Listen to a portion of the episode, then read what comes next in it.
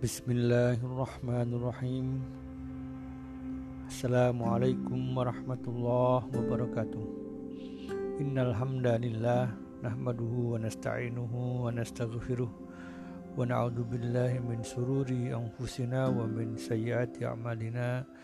May yahdihillah fala mudhillalah wa may yudlil fala hadiyalah Asyhadu an la ilaha illallah wahdahu la syarikalah anna Muhammadan abduhu wa rasuluhu la nabiyya ba'dah. Uh, saudara sekalian yang dirahmati oleh Allah Subhanahu wa taala, puji syukur mari kita panjatkan kepada Allah Subhanahu wa taala yang telah memberikan nikmat kesehatan buat kita di tengah uh, masih suasana pandemi Covid yang masih terus uh, menjadi waspadaan kita masih harus menjaga uh, kebiasaan-kebiasaan dalam menjaga kebersihan diri kita, menjaga jarak dan juga membatasi untuk bisa keluar rumah.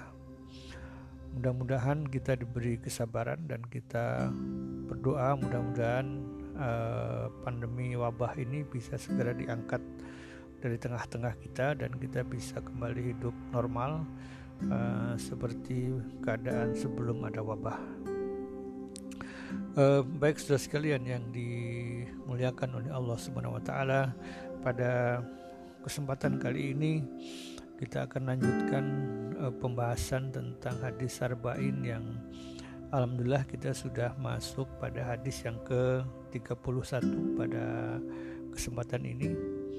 Dan hadis ke-31 ini eh, paling tidak ada dua hal penting yang akan kita bahas bersama akan kita pelajari bersama. Yang pertama tentang eh, apa namanya ajaran Rasulullah SAW atau nasihat Rasulullah SAW tentang bagaimana kita bisa mendapatkan cinta dari Allah Subhanahu Wa Taala ya bagaimana kita mendapatkan uh, kasih ya kecintaan dari Allah Subhanahu Wa Taala dan juga bagaimana kita menjadi orang yang dicintai oleh manusia. Yang pertama. Yang kedua tentang zuhud Ya, kita sudah sering mendengar istilah zuhud uh, dalam ibadah. Ya, kita akan pelajari dari hadis yang kita akan baca. Kemudian uh, pembahasan tentang zuhud ini akan berkisar tentang definisi. Ya, apa sih arti zuhud? Menurut para ulama, ya, kemudian juga uh, tingkatan-tingkatan zuhud. Ya, ulama para, para ulama telah me, membuat tingkatan-tingkatan zuhud ya ada empat tingkatan yang coba kita akan uh, pelajari nantinya dan kita bisa mengukur diri kita kita berada pada tingkatan yang mana kemudian juga uh, bagaimana dengan mengamalkan zuhud itu kita bisa mendapatkan cinta dari Allah Subhanahu wa taala dan juga zuhud yang seperti apa yang bisa mendatangkan kecintaan manusia terhadap terhadap kita. Ya, kemudian kita juga akan bahas bagaimana uh, cara kita atau cara yang dinasihatkan oleh Rasul untuk beristiqomah ya. Uh, bagaimana meluruskan niat, menguatkan niat kita untuk bisa tetap uh, mencoba untuk meningkatkan tingkat zuhud kita. Ya, dan yang terakhir, uh, yang penting adalah bagaimana Rasulullah mencontohkan uh, tentang uh, perilaku zuhud. Ya. Uh, kita akan uh, pelajari bagaimana Rasulullah SAW mempraktekkan zuhud dan saya kira itu yang akan menjadi uh, referensi ya, akan menjadi uh, panduan, menjadi patokan kita untuk supaya kita juga bisa mengamalkan apa yang dicontohkan oleh Rasulullah SAW. Uh, baik saya bacakan uh, hadisnya. Uh, Bismillahirrahmanirrahim. An Abi Abbas uh, Said uh, bin Sahal As-Sa'idi radhiyallahu an qala ja'a rajulun ila Nabi sallallahu alaihi wasallam faqala ya Rasulullah wazullani ala amalin idza amiltuhu ahabbani ya Allah wa habba wa, ahabbani nas. Faqala ishad fid dunya yuhibbakallah washad fima innan nas yuhibbakan nas hadis Hasan rawahul Ibnu Majah wa ghairuhu uh, bisana di bi, bisani it hasanah ya sanatnya Hasan uh, artinya dari Abdul Abbas uh, Sa'ad bin Sahal As-Sa'idi radhiyallahu an beliau berkata ada seorang yang datang kepada Nabi SAW sambil berkata bertanya wahai Rasulullah tunjukkanlah kepadaku suatu amalan yang apabila aku lakukan maka Allah mencintaiku dan juga manusia mencintaiku. Maka Rasulullah SAW menjawab, zuhudlah di dunia, maka Allah akan mencintaimu. Begitu pula zuhudlah dari apa yang ada di tangan manusia, maka manusia akan mencintaimu. Nah, jadi Rasulullah menjawab pertanyaan seorang sahabat yang menanyakan amalan apa yang harus dia lakukan supaya Allah mencintaiku dan manusia juga mencintaiku. Jawabannya satu amalan saja, yakni zuhud. Ya, zuhud kepada dunia dan zuhud terhadap apa yang ada di tangan manusia. Ya, zuhud terhadap dunia maka Allah akan mencintai dan dan ketika kita juga bisa zuhud terhadap apa yang ada di tangan manusia maka manusia juga akan mencintai kita. Uh, seorang ulama Ibnu Qayyim uh, yang juga murid dari guru Syekhul Islam Ibnu Taimiyah dia berkata uh, zuhud adalah meninggalkan sesuatu yang tidak bermanfaat untuk akhirat ya, jadi zuhud adalah meninggalkan sesuatu yang tidak bermanfaat untuk akhirat ya, atau yang lebih lengkap uh, perkataan Syekhul Islam Ibnu Taimiyah rahimahullah mengatakan zuhud yang disyariatkan ialah meninggalkan rasa senang terhadap apa yang tidak bermanfaat bagi kehidupan akhirat. Ya, jadi tidak menyenangi hal-hal yang tidak bermanfaat bagi kehidupan akhirat. Ya, atau tidak menggemari perbuatan-perbuatan yang tidak bermanfaat bagi kehidupan akhirat. Ya. Lebih lanjut Ibnu Taimiyah menjelaskan apa yang dimaksud dengan e, perbuatan yang tidak bermanfaat bagi akhirat, yakni perkara mubah yang berlebih-lebihan. Ya, hal yang mubah tetapi dikerjakan dengan berlebih-lebihan. Ya, jadi e, mubah misalnya makan, minum, ya, tidur, ya. Nah, ketika e, kita bisa menghindari atau tidak menggemari ya, tidak membiasakan diri makan berlebihan, minum berlebihan, tidur berlebihan. Ya, artinya mengurangi makan, mengurangi uh, minum, mengurangi tidur. Ya, maka itu definisi atau pengertian sederhana dari zuhud. Ya. Dan disertai uh, percaya penuh, disertai dengan ketaatan kepada Allah dan sikap percaya sepenuhnya terhadap apa yang ada di sisi Allah Subhanahu wa taala. Ya, jadi dia mempraktekkan apa zuhud tadi menghindari hal-hal yang tidak bermanfaat itu atas dasar keta ketaatan kepada Allah dan meyakini apa-apa yang Allah akan berikan kepada uh, dia kepada kita sebagai balasan. Jadi itu pengertian zuhud saudara sekalian yang dirahmati oleh Allah Subhanahu wa taala uh, bahwa intinya zuhud adalah meninggalkan sesuatu yang uh, tidak bermanfaat buat akhirat. Ya. Lalu uh, itu masih umum ya, itu masih uh, apa namanya bisa dimaknai banyak hal. Ya, maka kemudian para ulama juga me membuat tingkatan-tingkatan ya karena sesuatu yang di uh, yang dihindari uh, atau sesuatu yang tidak bermanfaat buat akhirat itu bisa bermacam-macam nah ulama membagi berdasarkan uh, tingkat uh, apa namanya uh, tingkat wajib tidaknya ya, atau tingkat keharamannya ya sehingga eh, tingkatan pertama dari zuhud adalah ketika kita diwajibkan untuk meninggalkan uh, setiap perkara yang haram. Ya, jadi itu tingkatan pertama, tingkatan awal dari seorang hamba yang uh, sudah bisa meninggalkan perkara yang haram, maka dia sudah bisa mendapatkan cinta dari Allah. Ya, karena dia sudah mengamalkan atau meninggalkan perkara-perkara yang uh, ada di dunia, yang diharamkan di dunia dan itu akan menyebabkan dia dicintai oleh Allah ya atas dasar uh, ketaatan. Ya, jadi dia meninggalkan sesuatu yang haram atas dasar ketaatan. Ya maka insya Allah dia akan mendapatkan kecintaan dari uh, Allah Subhanahu Wa Taala. Kemudian yang kedua suhud dari hal yang sifatnya makruh. Ya jadi kata para ulama mengatakan zuhud ini tingkatannya sunnah. Ya tingkatannya tidak wajib. Ya, orang orang boleh me melakukan ini atau orang boleh tidak tidak meng menghindari ini. Ya, tapi kalau kita ingin berniat untuk e, meningkatkan kezuhutan kita maka tahap berikutnya adalah kita di dianjurkan untuk meninggalkan perkara-perkara yang makruh.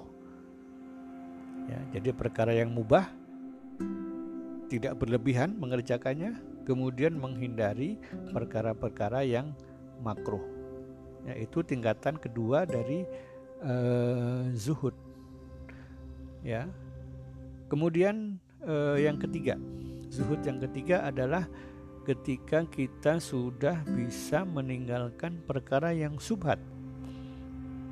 Ya kalau yang makruh itu memang dianjurkan untuk ditinggalkan. Ya makan sambil berdiri minum sambil berdiri ya itu makruh. Ya e, kalau itu sudah kita bisa tinggalkan maka e, tingkatan berikutnya adalah e, bisa nggak kita meninggalkan perkara-perkara yang subhat? Ya kita pernah membahas tentang perkara subhat di hadis arba'in di awal di awal-awal hadis arba'in yang sudah pernah kita bahas. Perkara subhat adalah perkara yang belum jelas hukumnya ya. Jadi belum ada acuan dalilnya untuk menetapkan apa hukum dari perbuatan tersebut. Ya atau ada keraguan ya tentang suatu perbuatan. Ya dan ketika kita dalam niat untuk berzuhud maka anjurannya adalah kita meninggalkan hal-hal yang ragu. Ya kita meninggalkan hal-hal yang belum uh, ada ketetapan hukum terhadap sebuah benda, terhadap sebuah perbuatan. Ya, semata-mata tujuannya untuk mendekatkan diri kepada Allah dan menghindari hal-hal yang bisa menjatuhkan dia ke dalam keharaman. Ya, karena dalam hadis tentang subhat disebutkan bahwa uh, diibaratkan orang yang mengembala uh, binatang ternak di pagar milik lahan orang lain. Kalau dia tidak menarik tali e, gembala hewan gembalaannya, maka bisa jadi hewannya masuk ke dalam pagar orang lain. Jadi kalau nggak segera kita hindari untuk melaksanakan melanjutkan perbuatan yang subhat, maka e, Rasulullah mengingatkan kita bisa masuk ke dalam perbuatan yang haram. Kemudian yang keempat, eh, sudah sekalian yang dirahmati oleh Allah adalah zuhud orang-orang yang dia sudah dalam taraf berlomba untuk bisa semakin dekat dengan Allah. Ya. Jadi dia sudah pasti meninggalkan yang haram, dia sudah pasti meninggalkan yang makruh, dia sudah pasti meninggalkan yang subhat. Ya. Kemudian dia sangat berhati-hati untuk bisa uh, tetap istiqomah Ya, dia berlomba, dia berpacu untuk menggunakan waktunya sebanyak mungkin dalam ibadah menuju Allah Subhanahu wa taala. Ya, jadi orang yang sudah sampai sudah mampu untuk melaksanakan tingkat zuhud yang seperti ini, ya dia cenderung untuk bisa meninggalkan kehidupan dunia secara umum ya jadi dia sudah membebaskan diri dari uh, kepentingan duniawi. Dia sudah bisa uh, mengendalikan nafsu duniawinya. Ya, sehingga ketika dia mendapatkan amanah untuk melayani umat ya maka dia rela meninggalkan keduniaan. Dia rela me, me, menafkahkan atau menginfakkan semua hartanya kepada jalan Allah dan dia memilih kehidupan yang sederhana ya asal cukup untuk bisa menghidupi dirinya dan keluarganya. Ya tidak hidup berlebih-lebihan. Seperti contohnya para khulafaur rasyidin kemudian juga khalifah yang terkenal Umar bin Abdul Aziz ya beliau orang bangsawan orang kaya. Tapi ketika beliau ditunjuk atau dipilih sebagai khalifah maka beliau menanggalkan kemewahan. Ya beliau hibahkan semua hartanya kepada uh, umat ya bahkan bukan hanya keluarganya e, bukan hanya dirinya tapi saudaranya, keluarganya diperintahkan untuk memberikan hartanya kepada umat, ya, kepada Islam, ya, dan kemudian e, membebaskan diri dari kepentingan dunia. Ya, tentu ini e, tingkatan yang sangat tinggi dan tidak setiap orang bisa e, melaksanakannya. Ya, nanti kita akan bahas e, bagaimana kita, ya, bagaimana uh, zuhud yang terbaik yang diajarkan oleh Rasulullah SAW dan dan sampai di mana kita bisa meninggalkan uh, kenikmatan dunia ya untuk bisa disebut sebagai zuhud. Jadi uh, sudah sekalian yang dirahmati oleh Allah, maka ketika kita bisa mempraktekkan, ya kita bisa mengamalkan uh, zuhud tadi di berbagai tingkatan yang tadi sudah kita bahas, ya apakah di tingkat pertama ketika kita hanya mampu untuk menghilak menghindari yang haram? Ya atau tingkat kedua ketika kita sudah meningkatkan untuk menghindari yang makruh? Ya atau tingkat ketiga kita sudah bisa meninggalkan hal-hal yang subhat? Ya atau kita sudah sama sekali bisa meninggalkan uh, nafsu keduniaan nafsu duniawi ya jadi uh, se sepenuhnya waktu dan dan apa perhatian kita kita curahkan untuk beribadah kepada uh, Allah Subhanahu wa taala. Jadi ketika kita bisa melakukan itu maka uh, Allah juga akan bisa memberikan kasihnya, cintanya kepada kepada kita kepada manusia.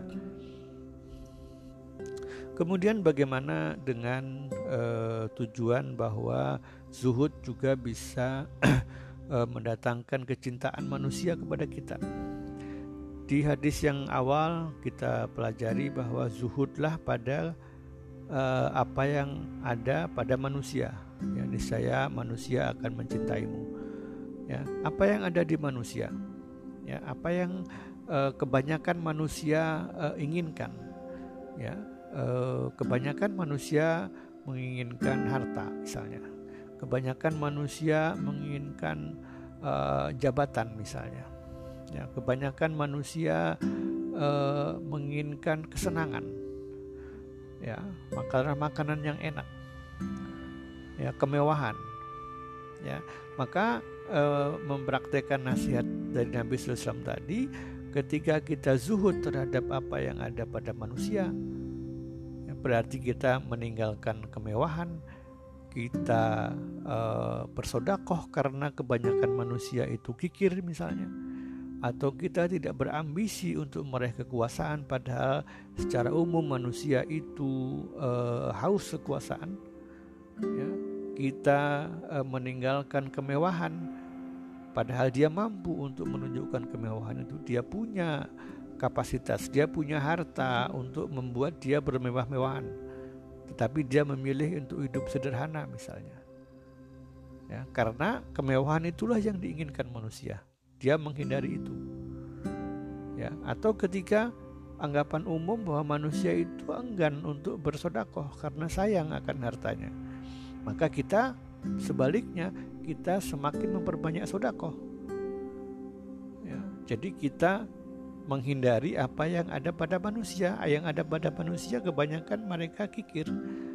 Ya, dan kita uh, sebaliknya kita bersodakoh maka itu yang akan mendatangkan kecintaan dari uh, manusia ya karena kita memperhatikan mereka karena kita tidak akan menyaingi mereka dalam hal kekuasaan misalnya ya kita tidak akan merendahkan mereka karena kita akan uh, berpakaian seperti orang kebanyakan. Kita akan makan seperti orang kebanyakan. Dan kita memperhatikan kebutuhan mereka. Kita banyak bersodakoh maka uh, bisa kita fahami bahwa ketika kita bisa melakukan hal itu berarti manusia akan mencintai kita atau kita akan mendapatkan uh, kecintaan dari dari manusia. Ya, jadi Rasul mengajarkan hal yang yang yang sangat baik ya, bagaimana cara mencintai manusia. Ya, dengan cara-cara yang uh, bukan main ya, uh, akhlakul karibah yang dicontohkan oleh Rasul untuk bisa mendapatkan kecintaan dari manusia. Uh, kemudian saudara sekalian yang dirahmati oleh Allah, uh, kita juga mungkin perlu ya mendengar bagaimana uh, perkataan para sahabat tentang zuhud dan kemudian bagaimana Rasulullah mencontohkan. Ya. Uh, Umar bin Khattab radhiyallahu an pernah menulis kepada Abu Musa al Ashari, sesungguhnya engkau tidak akan memperoleh amal akhirat yang lebih baik daripada zuhud terhadap dunia ya hati-hatilah engkau dari akhlak yang buruk dan rendah. Ya, jadi eh, Umar bin Khattab me, me, apa namanya menjelaskan atau menasehatkan menghubungkan antara zuhud dan lawannya adalah akhlak yang buruk.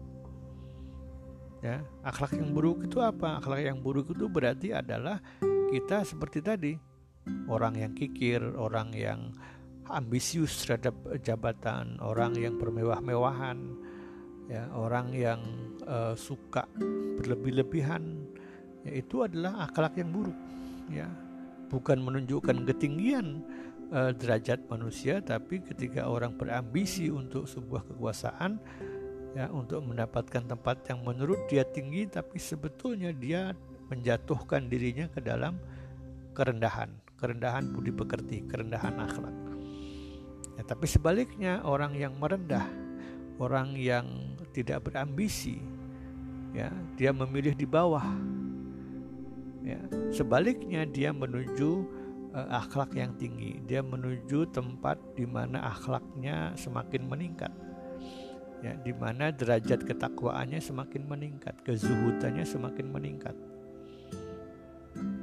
Ya, kemudian Ali bin Abi Thalib radhiyallahu an dia beliau berkata, dunia pasti akan pergi membelakangi dan akhirat pasti akan datang menjelang. Masing-masing dari dunia maupun akhirat memiliki anak-anak generasi, maka jadilah engkau anak generasi akhirat dan jangan menjadi anak generasi dunia. Hari ini adalah hari beramal. Tidak ada hisap, sedangkan esok adalah hisap. Tidak ada amal. Ya, jadi uh, Ali bin Abi Thalib uh, uh, terkenal dengan nasihat-nasihat yang uh, berkualitas ya nasihat-nasihat yang uh, apa namanya uh, indah.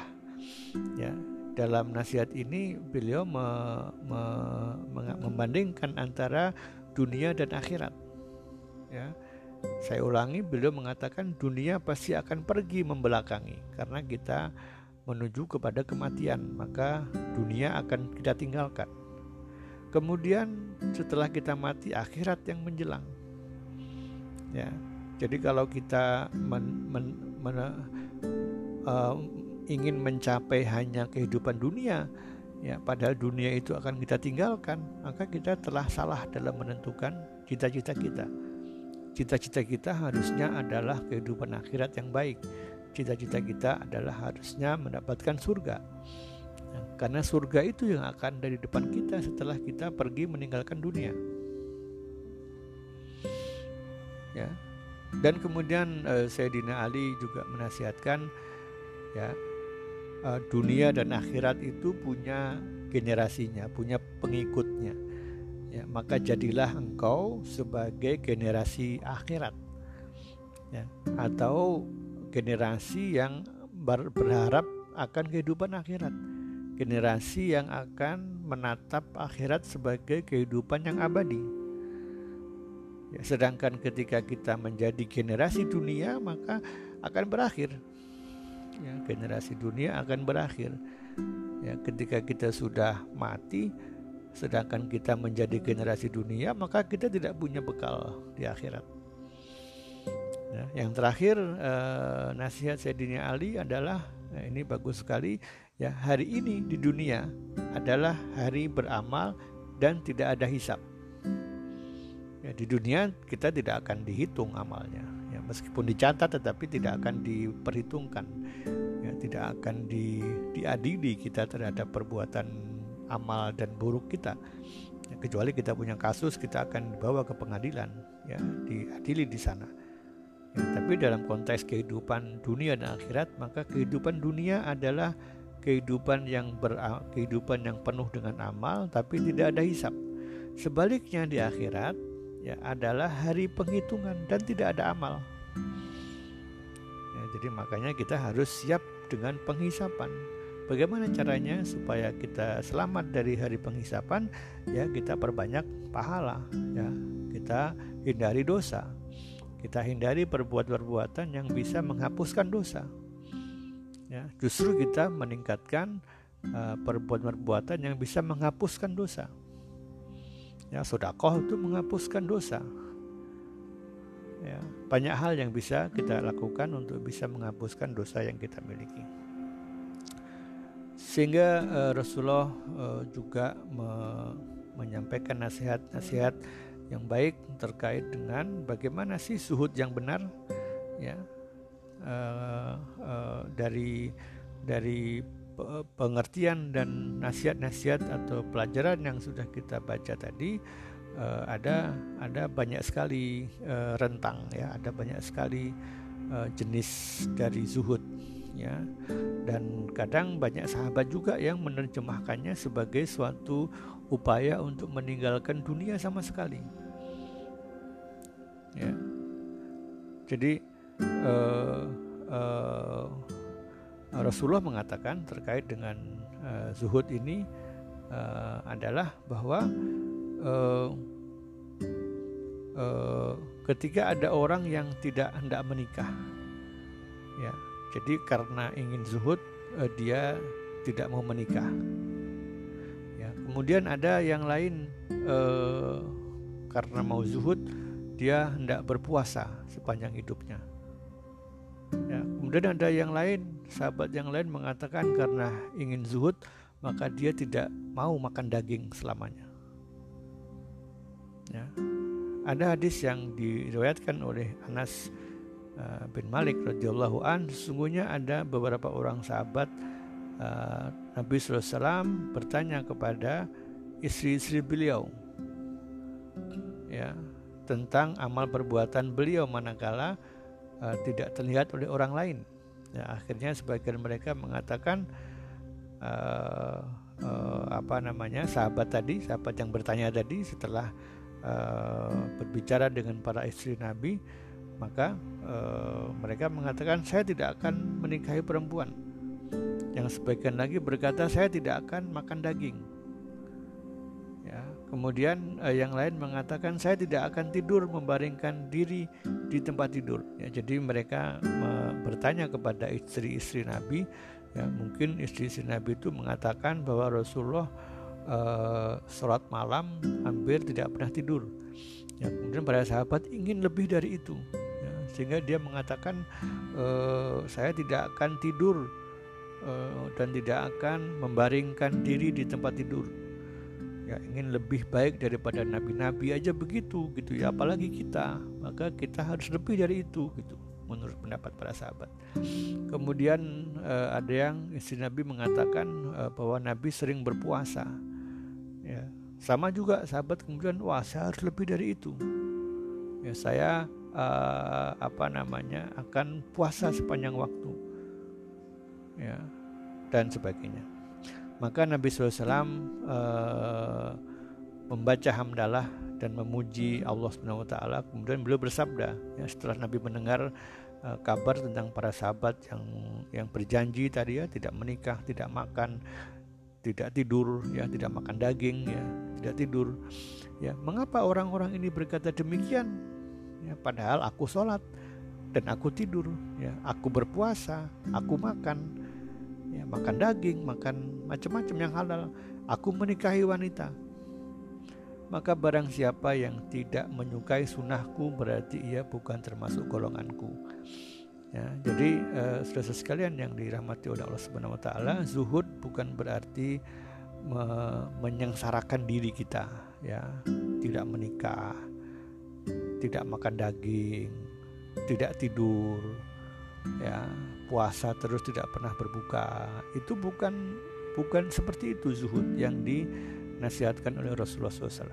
Tapi zuhud adalah uh, menghindari yang tadi disebutkan dari tingkatan zuhud pertama, kedua, ketiga, ya tetapi tidak berlebihan juga.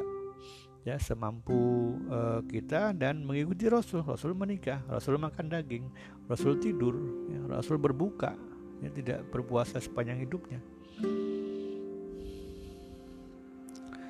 Jadi uh, saudara sekalian yang dirahmati oleh Allah Subhanahu wa taala uh, kita bisa simpulkan bahwa zuhud yang dibenarkan oleh syariat adalah meninggalkan perkara yang berlebihan, ya, perkara mubah yang berlebihan. Ya, sebagaimana perkataan Imam Ahmad, uh, zuhud adalah ia makan tetapi di bawah ukuran makan seperti umumnya Ya, ia berpakaian tetapi akan lebih sederhana daripada orang kebanyakan.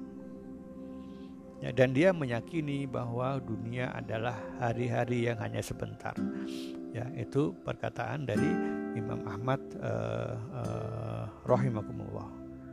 Ya, jadi uh, mudah-mudahan kita bisa memahami apa yang dinasihatkan oleh Nabi dan kita bisa semakin meningkatkan ya tingkat kesuhutan kita, tingkat uh, ketidaksenangan kita terhadap hal-hal yang tidak bermanfaat. Yang meninggalkan hal-hal yang tidak bermanfaat baik bagi dunia dan juga bagi akhirat. Ya, jadi terutama yang buat akhirat ya. Kalau kita bisa menilai oh ini nggak bermanfaat buat akhirat, maka uh, sebaiknya ditinggalkan demikian eh, cukup saya kira eh, pembahasan atau eh, apa namanya eh, penyampaian dari hadis arba'in yang ke-31 tentang zuhud dan juga uh, cara supaya kita dicintai oleh uh, Allah dan manusia. Ya, mudah-mudahan kita diberi kekuatan untuk bisa mengamalkan dan uh, mudah-mudahan ketika kita bisa mengamalkan kita diberi uh, istiqomah ya supaya uh, supaya tercatat bahwa kita memang orang-orang yang yang suhud yang berakhlak uh, mulia di hadapan Allah Subhanahu wa taala dan insya Allah kita mendapatkan uh, cinta dari Allah dan juga kita mendapatkan cinta dari manusia. Subhanaka Allahumma wa bihamdik asyhadu an la ilaha illa anta astaghfiruka wa atubu ilaik hadanallahu wa iyyakum wa minkum. Assalamualaikum warahmatullahi wabarakatuh.